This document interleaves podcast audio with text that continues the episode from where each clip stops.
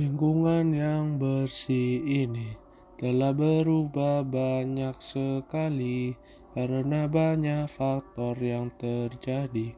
Kerusakan di sana dan di sini. Hati manusia keras bagaikan besi, terlalu keras akan bumi. Seakan mereka tak pernah sadari, kerusakan bumi semakin menjadi-jadi. Lingkungan ini takkan bisa lebih lama untuk menahannya.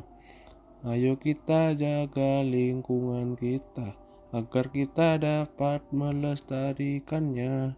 Ayo kita bangun lingkungan kita agar kita dapat mengembangkannya.